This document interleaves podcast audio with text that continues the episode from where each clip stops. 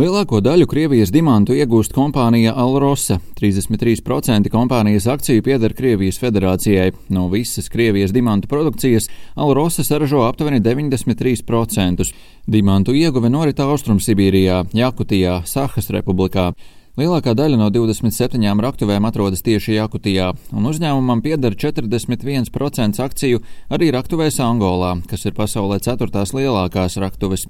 Kompānija iesaistīta izpētes aktivitātēs vēl citās Āfrikas valstīs. Papildus dimantu sektoram Alrosa pieder akcijas Tīmiras raktuvēs, Krievijas lielākajās dzelzs raktuvēs. Uzņēmums norādījis, ka 2021. gadā no neapstrādātu dimantu pārdošanas ir nopelnījis 4 miljārdus ASV dolāru. Tīrā peļņa pērn trīskāršojusies. Alrosa ražo apmēram tādu pašu dārgakmeņu daudzumu kā Debērs, ikoniskā dimantu kompānija, kurai līdz šī gadsimta sākumam bija monopols. Pieprasījums pēc Krievijas dimantiem ir bijis liels un rezultāti bijuši labi, skaidro nozares eksperts Amišs Šāhs. Kopš pagājušā gadsimta 50. gadiem Krievijai ir lielākās dimantu rezerves.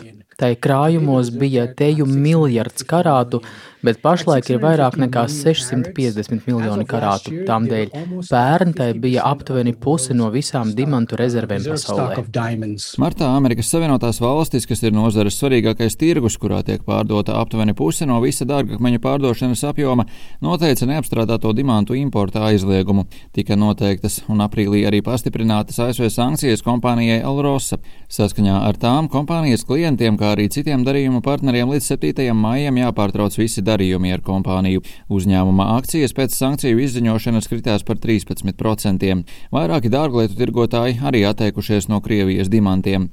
Vašingtona norādīja uz kompānijas lomu tai nodrošinot papildu atbalsta un ieņēmumu avotu Krievijas valdībai, lai turpinātu karu Ukrainā. Alrosa sacīja, ka ASV sankcijas padara tehniski neiespējamu pareizi nokārtot parādsaistības.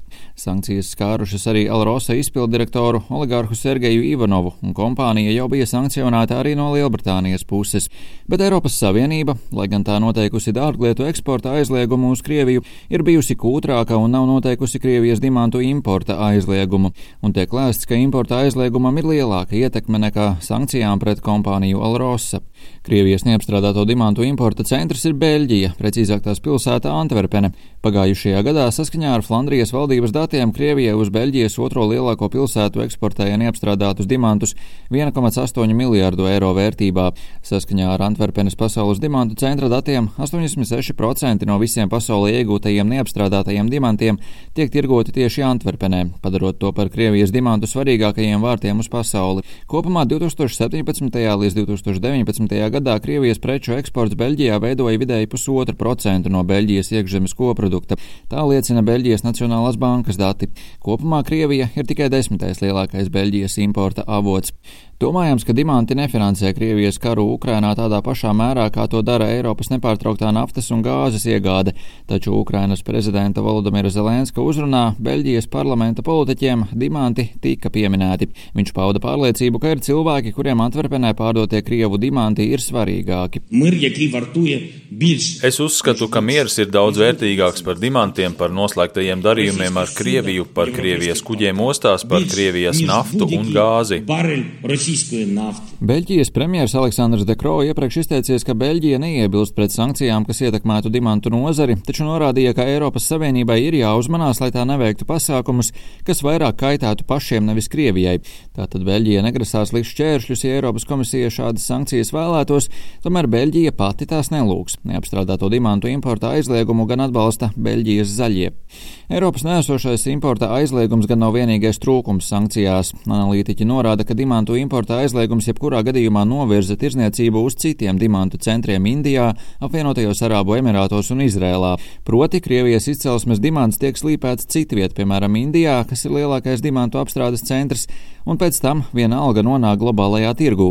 ASV jau strādā pie risinājuma, kā šo caurumu aizlāpīt, tomēr tas nav vienkārši. Antverpenes pasaules dimantu centra pārstāvis Toms Neis apgalvo, ka sankcijām ir jēga tikai tad, ja tās tiek piemērotas visā pasaulē. Būtiska būtu arī sankciju koordinēšana starp Eiropas Savienību un ASV, kā arī citu valstu iesaistīšanās, un būtisks faktors var būt arī reputācija, proti apzinoties, ka dimants nācis no Krievijas, patērētājs var izvēlēties to nepirkt.